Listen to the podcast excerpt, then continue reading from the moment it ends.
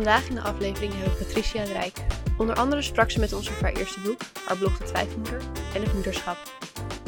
Welkom bij een nieuwe aflevering van Boekenrek, een podcast voor de echte lezers. Patricia Rijk sprak met ons over haar boek, De Twijfelmoeder. Het is haar eerste boek over de twijfels die je kunt hebben over het wel of niet moeder worden. Ze vertelt over haar eigen twijfels over het moederschap en haar blog waar het allemaal mee begon. Hier is Patricia Rijk.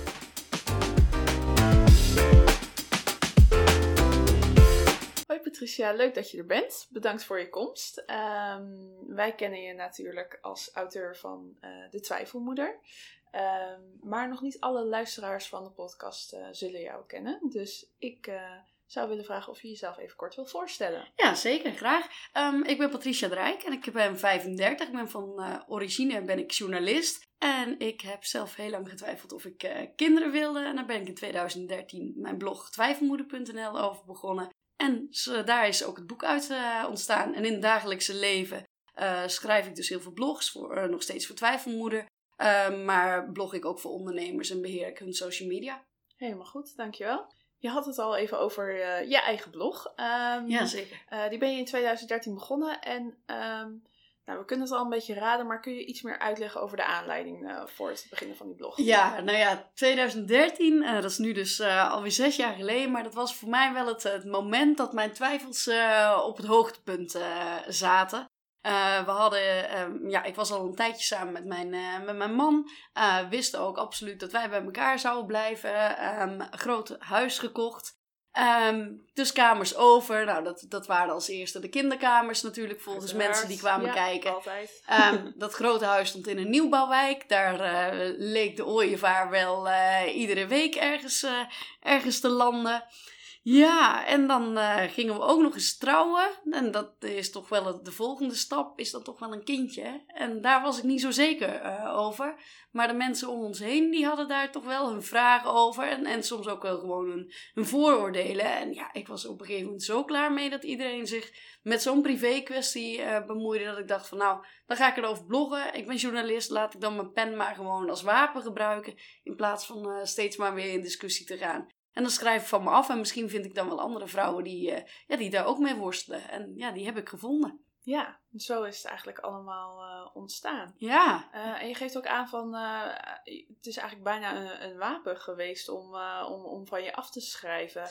Be- ben je het meer begonnen als een soort van tegengeluid? Of ben je het wel echt begonnen als, ik, ik twijfel zelf en ik wil daar meer over weten. Ik wil daar meer nou, ik denk, dat het, ik denk dat het beide is geweest. Dus aan de ene kant natuurlijk gewoon mijn frustratie geweest. Dat ik me af en toe zo onbegrepen en eenzaam eh, voelde. Ook op, in mijn naaste omgeving. Hè, waar- waar ook bijvoorbeeld in de vriendengroep heel veel kinderen werden geboren. En men ook wel eens dacht van, huh, eh, waarom, eh, waarom hun niet? Eh, eh, en aan de andere kant is natuurlijk ook wel dat ik, dat ik heel nieuwsgierig was naar het onderwerp. En ik aan mijn partner had aangegeven dat ik eh, ja, op zoek ging naar waar die twijfel vandaan kwam. En ja, of het een ja of een nee zou, eh, zou worden. Want ja, als de een het heel graag wil en de ander weet het niet, dan zul je toch eh, een weg moeten gaan vinden om daar samen uit te komen. Dat was voor mij wel het eh, op zoek gaan naar eh, verhalen van anderen, met andere vrouwen spreken. Eh, die wel kinderen hadden, geen kinderen hadden, ehm, in allerlei situaties. En dat heeft ook absoluut mij wel weer verder geholpen. Ja, want hoe reageerde je partner erop? Het lijkt me eh, best wel lastig om, om zo'n onderwerp ook in een relatie ter sprake te brengen. Ja, het is, een, eh, het is een heel lastig onderwerp inderdaad om te bespreken. Nu hadden wij daar zelf niet zo heel veel moeite, maar ik heb ook een Facebookgroep Twijfel over kinderwens. En ja, daar merk je gewoon wel dat vrouwen het lastig vinden om bij een partner aan te stippen. Eh, of dat er dames zijn die zeggen, ja, we bespreken het nog maar één keer per jaar. Eh, en dan bespreken we het grondig. Want anders als we het steeds gaan bespreken, dan wordt het steeds een ruzie. Of echt zo'n heet hanger, hangijzer wat tussen ons in staat. Eh, dat hoeft ook niet. Ehm, ja, wij konden het daar dus gelukkig wel goed over hebben. En doordat ik zei van ik ga op zoek naar, naar mijn antwoord, hoefde het er ook iets minder over te hebben. Omdat hij wist van ja, ze is daarmee bezig. En dan hoef je niet iedere week te vragen van nou, en weet je het al? Want Precies. dat wil je op dat moment absoluut niet. Nee, nee dat begrijp ik inderdaad. Ehm, en daar is eigenlijk natuurlijk ook je boek uiteindelijk door ontstaan, hè, door die zoektocht. Ehm, en je beschrijft in het boek ook allerlei soorten twijfels die je kan tegenkomen eh, als vrouw of misschien ook wel als eh, man zijnde. Ehm, en dat gaat eigenlijk van emotionele twijfels van zie ik mijzelf wel als moeder, Uh, maar ook tot hele rationele uh, uh, twijfels van wil, wil, ik wel een kind in deze huidige wereld ja. brengen of ehm, kan het financieel allemaal wel? Waar heb jij zelf het meest over getwijfeld? Waar zat bij jou de grootste twijfel? Ja, de, de grootste twijfel denk ik dat toch wel zat in het feit dat ik totaal geen rammelende eierstokken had. En iedereen uh, toch wel zei dat je die uh, op een gegeven moment krijgt en uh, dat je biologische klok gaat tikken. Nou, dat bleef bij mij allemaal stil daar, daar in mijn buik. Um, en ik was zo onhandig met baby's. Als je mij een baby in mijn handen gaf, dan waren, zaten de ouders angstvallig te kijken. En werd ik eh, continu gecorrigeerd dat het hoofdje iets meer omhoog moest. Of dat ik die, fles niet zo scheef moest houden. Uh, noem maar op. Ik was echt geen geboren moeder. Ik ben ook nooit een poppenmoedertje of zo uh, geweest. Dus, dus dat was het. Ik was druk met mijn carrière. Heel lang eigen bedrijf en dat ging steeds beter. En ja, ga je dat dan opeens in de in de wacht zetten. Ik wilde reizen. Ja, hoe kan dat allemaal? Uh, wel, dus het, was bij mij wel, wel een mix uh, van dingen. Maar met name het feit dat, dat ik het niet voelde, uh, zorgde er ook voor dat ik dacht van ja, en nu? Ja, ja want die rammelende eierstokken die komen vaak voor. Hè, van, dat, dat is dat gevoel. Hoe heb jij in je onderzoek um, dat onderwerp belicht? Want het is, wordt vaker over ge gepraat, maar wat is het nou precies? Kan je dat nu na jouw zoektocht beter omschrijven? Nou ja, ik ben er in ieder geval naar de zoektocht achter gekomen dat, dat die rammelende eierstokken, dat het eigenlijk ook maar gewoon een, ja, een fabeltje uh, is in de biologische klok. Um, het kan heel erg in je, in je zitten al. Hè? Dat je het echt een, van natuurlijk voelt van ja, moeder worden, dat, dat is mijn ding. Maar dat hoeft helemaal niet. En het is ook uh, gewoon wat je om je heen uh, ziet gebeuren. Uh, er, gewoon allerlei factoren hebben daar uh, invloed op of daar wel iets is of, of, niet. Dus je hoeft je daar ook niet druk om te maken als er niks in jouw buik voelt. Of dat je, uh, als je een babytje ruikt en dat je denkt van nou ja, dat Zwitser luchtje doet mij helemaal niks. is, ook niet, is ook niet erg. En ik heb daar zelf, um, op een gegeven moment ben ik ook gaan denken van ja, oké, als ik het nou absoluut niet wil, dan denk ik dat ik dat wel heel uh, duidelijk merk. Dus, uh, want als je niet in een achtbaan wil stappen, Precies, dan ja. kunnen mensen op een kop gaan staan. En als je dan doodsbang bent, dan stap jij ook niet in die achtbaan. Nee. En zo voelde ik op een gegeven moment ook wel uh, de keuze met een kindje. Van ja, hè, als ik nou echt niet had gewild, dan was het nu ook wel duidelijk geweest na al die verschillende gesprekken en dingen. En ik denk dat je dat uh, ook na het lezen van het boek, dat het misschien ook wel al wat duidelijker voor je wordt. En dat je dan denkt van, hé, hey, wacht eens even, die rammelende eierstokken waar mensen het over hebben, daar hoef, uh, moet ik wat minder me druk over Precies. maken. Uh, die relatie, hé, hey, wacht eens eventjes, dat is ook wat minder ja, belangrijk dan je misschien wel denkt. Want ja, uiteindelijk gaan ook heel veel relaties stranden uiteindelijk ook weer. Dus je, je krijgt wel meer inzicht in die verschillende thema's die je misschien als heel groot ziet en waar je ja, mm, uh, wat meer erom, uh, uitleg eromheen uh, hebt en je eigen twijfel wat beter snapt. Ja, want in je boek bespreek je ook echt alle onderwerpen die aan bod kunnen komen bij twijfelen over moederschap. Um, maar volgens mij ook als je niet twijfelt kun je denk ik heel veel aan jouw boek hebben, omdat het gewoon een heel compleet plaatje geeft. Ja. Um, je zou het eigenlijk bijna een soort van checklist kunnen noemen. Uh, miste jij zelf zo'n checklist of zo'n handleiding uh, bij het maken van een keuze? Uh, ja, zeker. Want was, op dat moment werd er gewoon eigenlijk nog niks over geschreven. En was het bijna een taboe om te zeggen dat je twijfelde. Keken mensen ook echt, raar aan. En op mijn blogs heb ik zelfs reacties gekregen dat ik een kinderhater zou zijn. En dat ze mijn man gek vonden dat hij bij me bleef. Um, omdat mensen dan toch wel het idee hadden van ja, nee, dat komt nooit uh, een kind. Um, en dat is natuurlijk ook hoe kinderloze vrouwen vaak uh, neer worden gezet. Hè? Dat is toch raar dat ze dat niet willen. Um, dus daarom ben ik wel blij dat, dat ik een boek heb kunnen schrijven zonder vooroordelen. waarbij je wat beter snapt waar de, wat er in de hoofden van veel vrouwen omgaat. Want ook al kiezen uiteindelijk nog steeds veel, heel veel vrouwen wel voor een kindje. Die keuze om daarvoor te gaan, die is echt bij iedere moeder heeft dat wel wat losgemaakt. Want je, het is wel een hele keuze. Het is een keuze voor het leven. Dus uh, ook moeders, daar ben ik achtergekomen door, door mijn site, maar ook door uh, de research voor het boek. Die hebben ook wel even op dat punt gestaan van oké, waar duiken we nu in? Gaan we er nu voor? Wachten we nog eventjes? Uh, zo komt iedereen wel voor zijn twijfels te staan. Maar ja, we waren er niet altijd eerlijk over. Dus ik hoop dat dat met het boek ook gaat gebeuren. Dat mensen gewoon durven toe te geven ja, ach, ik heb er ook inderdaad wel eventjes mee geworsteld. Vond het ook lastig om te kijken van hoe ga ik dat met mijn carrière uh, combineren. Maar um, ja, dus ik denk wel dat het goed is dat iedereen het eigenlijk ook leest. We hebben het uh, dus al even over die taboes gehad. Um, er ligt nog best wel een taboe op uh, heel veel aspecten van het moederschap.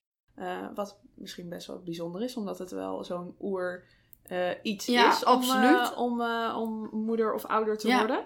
Um, er zijn ook vrouwen die aangeven achteraf spijt te hebben gehad van een keuze om moeder te worden. Um, omdat dat uiteindelijk misschien niet past bij wie zij zijn als persoon. Ja, Uh, ik ben benieuwd, denk jij dat jij een andere keuze had gemaakt als je dit boek van tevoren had gehad? Uh, nee, want ik heb natuurlijk uh, eigenlijk die, die zoektocht die de lezer nou in mijn boek kan lezen, die heb ik doorgemaakt in drie, vier jaar. Um, dus in, in het boek kom ik een stuk of 50 vrouwen wel aan het woord, kort, die kort uitleggen en op de site nog, nog wat uitgebreider. En deskundigen allemaal. Um, ja, daar heb ik wel die jaren voor nodig gehad om die, om die gesprekken te voeren. Dus ik had zeker geen andere keuze gehad. Ik ben wel blij dat ik getwijfeld heb. Want uh, als ik er zomaar in was gedoken, wat ook uh, vriendinnen wel eens zeiden, die zeiden, ah, twijfelen. Nee joh, onzin. Gewoon doen, krijg je geen spijt van. Um, en dat lees ik ook wel eens in, uh, ik ben de afgelopen tijd best wel wat in de media al geweest. En er worden ook andere deskundigen soms wel voor artikelen gevraagd. Dan las ik ook van, ja, maar hoeveel moeders ken je die spijt hebben? En toen dacht ik, ja, deskundige, dat kun je nu wel zeggen. Maar hoeveel moeders ken je die spijt hebben die dat durven te zeggen? Precies. Want dat is nog een groter dat taboe dan aangeven dat je eigenlijk twijfelt uh, daarover. Um, en ik heb nu ook een reactie van een, uh, van een dame gekregen die zei van... Goh, ja, had ik maar iets uh, meer erbij stilgestaan van tevoren. Had ik maar een boek inderdaad zoals het jouwe gehad. Dat ik eventjes had gelezen van... Goh, dit komt er misschien allemaal wel op me af. Sta hier eens eventjes bij stil. Want ze zegt, ja, ik heb nu twee kinderen. En ik vind het toch best wel pittig op sommige momenten. En dat had ik me helemaal niet uh, ja, zo voorgesteld. Uh, dus zij snapte opeens eigenlijk wel met terugwerkende kracht waar, waarom ik had getwijfeld. En dat vind ik ook wel uh, heel mooi. En ook de dame met spijt die in het boek bijvoorbeeld aan het, aan het woord komt, vind ik ook een mooi voorbeeld. Want zij zegt wel van ja, die keuze zou ik niet meer zo gemaakt hebben. Maar uiteindelijk, hè, hoe hard ik ook wilde we wegrennen, ik ben wel gewoon gebleven en ik doe dit, want hier ben ik voor gegaan. En ik denk ook dat dat heel vaak wel zo is. Hè. Je kunt wel spijt hebben over je, van je keuze. Maar dat wil ook niet zeggen dat je minder goede moeder bent. Want als je er uiteindelijk alles nog voor doet om gewoon jou, jouw taak zo te volbrengen. zoals dat past bij jouw leven, ja. denk ik dat het gewoon een goede uh, beslissing is. En ik denk dat je ook moet kijken van waar wordt jouw spijt uh, heb je echt spijt of wordt jouw spijt aangepraat? Uh, mijn kindje ga, uh, heeft uh, 4,5 dag opvang. Aan de ene kant van opa's en oma's en aan de andere kant van de kinderopvang. Er zijn ook vrouwen die daar wat van vinden. Ja. dan kan ik me dat heel erg aan gaan rekenen. En denk van ja, oh, nou ben ik een slechte moeder. eh, dat ik nog 4,5 dag werk en dat mijn kindje dan onder de pannen eh, ergens is. Um, maar ik kan ook denken van hé, hey, dat maakt mij wel een leukere moeder. Dus ik denk ook door het twijfelproces sta ik wel steviger in mijn schoenen. Waardoor ja. ik dat al, allemaal die, die druk en bemoeizucht. Want op de een of andere manier hangt dat toch aan een kind samen. Dat iedereen er wel wat uh, van, uh, van denkt te, te, weten of te kunnen zeggen of mogen zeggen. Um, nee, maar ja, dus ik denk dat dat, dat dat wel een betere moeder maakt, ja. Ja. Nou ja, ik vind dat inderdaad ook wel heel mooi uh, de, hoe dat beschreven is in jouw boek. Dat het gewoon, weet je, alles is goed. En ja, je, kan absoluut. Niet zo, je kan niet zomaar oordelen of iemand inderdaad een goede of een slechte moeder is. Want nee. Iemand kan een goede moeder zijn, maar voor zichzelf wel besloten hebben van... hé, hey, dit had uiteindelijk misschien niet gepast bij de persoon die ik ben. En uh, daarvoor hoef je inderdaad nog geen slechte moeder ja, te zijn. Maar je kunt... Het betekent alleen dat je jezelf misschien een beetje aan de kant ja. uh, hebt moeten zetten. Ja, je kunt ook niet achter de voordeur bij heel veel mensen kijken. Hè? En, en wat er in iemands hoofd uh, afgaat. Je kunt ook zeggen van, oh, ik vind jou echt een, een topmoeder. En dat een vrouw gewoon bewust kinderloos wil blijven, is ook goed. Hoef je echt er niet iedere keer in te drammen van, oh, je bent zo goed met mijn kind. Nee, dat is een keuze uh, die ze maakt. En tegen mij zegt ze, ik ben uiteindelijk moeder geworden, van een zoontje van twee nu. Zeggen ze, oh, het is toch goed gekomen. Maar is niet goed gekomen. Nee. Want er is geen goed of fout nee. uh, in deze het, discussie. Anders was het ook goed gekomen. Anders was het ook goed geweest. Ja. En had ik hier ook misschien wel gewoon zitten vertellen over dit boek. Zonder dat ik moeder was. Maar want als je zegt dat het bij mij goed gekomen is. Dan zou het bij iemand die, die bewust of ongewenst kinderloos is. Zou je zeggen van ja dat is fout. Nee dat is niet fout. Dat is een keuze die genomen is, of een keuze die helaas ja, zo is gegaan. Ja. Ja, want jij bent dus inderdaad wel inmiddels moeder nu van een jongetje van twee. Hoe bevalt het moederschapje? Ik vind het uh, een, een rollercoaster. Uh, aan de ene kant, uh, doordat je zoveel mensen hebt gesproken, heb je wel een beeld van wat er op je afkomt. Aan de andere kant kun je weten wat er op je afkomt. En kun je horen over huilbuien en kinderen die niet willen eten. Maar als je dan zelf met zo'n drammertje naast je staat, of die in de supermarkt op de grond gaat liggen, dan denk je: oké, en hoe handelen we nu? Ja. Um, dat vind ik af en toe wel eens lastig. Um, ik ben ook absoluut geen roze wolkmoeder vond de geboorte het is echt iets heel speciaals. Maar um, ja, je hoort me daar ook niet continu dan uh, lovende, uh, hysterische uh, bevallingsverhalen delen. Of vertellen over hoe geweldig het allemaal wel niet is. Ik denk vooral, en dat hoorde ik ook wel van vriendinnen terug, dat ik mezelf ben gebleven. En dat als ik nog een keertje uit wil gaan, dat ik ook gewoon uh, doe. Hè, wel in overleg met mijn partner. Uh, gaan we samen doen, we oppas. Uh, dat soort dingen. Maar dat ik nog steeds wel gewoon mezelf ben. Die gewoon werkt, die betrokken is. Socia sociaal actief. Um, maar wel op een andere manier. Omdat er nu ook gewoon een kleintje is. Die ook gewoon alle aandacht ja. verdient. Dus op die manier heb ik mijn balans uh, gevonden. En dat was ook voor mij heel erg belangrijk toen ik de keuze maakte. Uh, toen ik zei van nou ja, we gaan ervoor. Uh, mijn man en ik hebben toen ook echt wel besproken van hoe gaan we dat aanpakken. Stel dat het nou echt heel erg tegenvalt of dat ik me niet in die rol echt niet kan vinden. Vinden we het dan goed dat we misschien zeggen van nou, we pakken extra hulp in het huishouden. Dat ik me niet druk over te maken over poetsen. Ja. of desnoods een au pair die zorg voor zich neemt. Het is allemaal niet, niet nodig geweest. Want het gaat eigenlijk heel natuurlijk. Um, maar het kan wel en dat gaf ook wel rust. Dus je, er zijn ook nog heel veel opties eromheen. En, en ik denk dat dat ook goed is als je uh, twijfelt over kinderen. Dat het ook niet ja, je hebt ze voor het leven. Ja. Het is niet zo zwart-wit. Maar het is niet zo zwart-wit. Je kunt het wel invullen naar, naar hoe je zelf wil. En ook dat is, uh, is goed. Ja. In je boek uh, besteed je ook nog even kort aandacht aan de twijfelvader. Uh, niet te vergeten natuurlijk. Um, zie jij verschillen tussen een twijfelvader en een twijfelmoeder? Ja, absoluut. Kijk, bij vrouwen heb je natuurlijk sowieso te maken met, met het, het biologische uh, aspect. Wij vrouwen zijn uh, maar vruchtbaar tussen een bepaalde periode. En waar mannen dus tot ja, eigenlijk tot aan een dood bijna uh, kinderen kunnen uh, verwekken. Um, dus bij mannen lijkt er op het eerste gezicht minder druk achter zitten, uh, te zitten. Waar dat bij vrouwen wel is. En ook bij vrouwen bij een man is het maatschappelijker, eh, lijkt het ook wel wat meer geaccepteerd als die nog wat ouder vader wordt. Hè? Daar kijken we bij vrouwen ehm, ook nog wel wat vreemd van op. Al wordt, verandert dat beeld volgens mij uh, ook wel. Want ja, tegenwoordig kan er wel al heel veel. En, en zijn we ook gewoon uh, steeds ouder als we, als we kinderen krijgen. Um, maar aan de andere kant maakt het dat uh, voor uh, mannen die, uh, die twijfelen ook wel weer lastig. Want als jij heel graag jong vader zou willen worden, dat je denkt van ja, dat past het beste bij mij. En je hebt dan geen partner en je hoort dan steeds van ah, maakt toch niet uit. het komt wel, je hebt alle tijd. ook dan word je niet serieus genomen. En ook dat kan ook heel verdrietig zijn. Um, je ziet wel uh, dat mannen wat makkelijker erin mee lijken te gaan. Dus als een, uh, als een vrouw twijfelt en de man wil het, dan uh, is de kans dat er een kind komt wat lager. Maar stel dat de vrouw het wel wil en de man twijfelt, dan, ja, dan kun je er eigenlijk wel rekening. ja, kun je wel zeggen van dat kindje komt er wel. Omdat uh, ja, de zorgtaken uh, liggen toch ook nog wel heel traditioneel weer bij die vrouw. Dus dan gaat die man daar wel uh, wat makkelijker in, in, mee. En mannen bespreken het ook minder. Of althans, in mijn omgeving was het minder. Waar vrouwen bij mij er zo'n beetje bovenop zaten, daar deed dat bij mijn partner eigenlijk helemaal niet. Die had het gewoon over sport of auto's of andere kroegpraat. Ja, dat is ook wel fijn. Ja, aan de andere kant had hij misschien ook af en toe wel eens gewoon de vraag willen hebben van... Goh, hoe gaat het? Uh, in plaats van, uh, van een opmerking van... Uh, en wanneer is het bij jullie zover? Ja, um, ja dat, dat is... ja, ik, ik, denk dat daar dus wel wat verschillen in zitten. Maar ook dat je...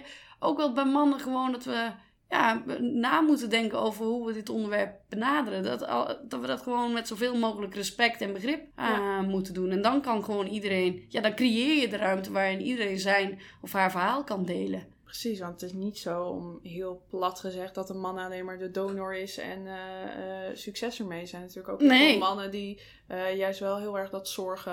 Ja, absoluut. Ja, die, die, en, ja, dat doet mijn mannen ook en dat is hartstikke fijn. En ja, we moeten wat dat betreft misschien die stereotypes ook een beetje, een beetje loslaten. En aan de andere kant moeten we ook niet vergeten dat we eigenlijk ja, bijna de eerste generatie uh, zijn die, die kan kiezen. Hè? Want die pil is er ook pas sinds de jaren zestig. Uh, en uh, de pastoor kwam vroeger ook nog langs als een, een kindje niet snel genoeg naar een huwelijk geboren werd. Dus um, ja, en als je dan kijkt hoe lang mensen al op dit wereldbolletje rondlopen, dan kun je zien dat het nog maar een hele korte periode is dat er uh, gekozen kan worden. En dat dat ook heel normaal is dat, er, dat je die keuze hebt. En dat vrouwen gewoon hun carrière maken. Of dat mannen zorgtaken op zich nemen. Maar ja, als je kijkt hoe de lachwekkend er soms over vaderschapsverlof wordt gedaan. Dan denk ik, daar valt nog wel wat uh, te winnen. Ja, ja, absoluut. Ja, zeker. Um, dan heb ik uh, tot slot eigenlijk uh, nog één uh, vraag. wij kwamen iets opvallends tegen. Oh jee. Um, tijdens het schrijfproces, jij hebt een speciale band met Clean Pete volgens mij, de muzikanten. wat is die band? Is die tijdens het schrijfproces aan orde gekomen? Of, ja, ja, ja, wie mij volgt op Instagram, die kan mij aardig uittekenen. Dat is mijn Clean Pete trui aan mijn haar met fixen uitgroeien en ook alle kanten opstaan.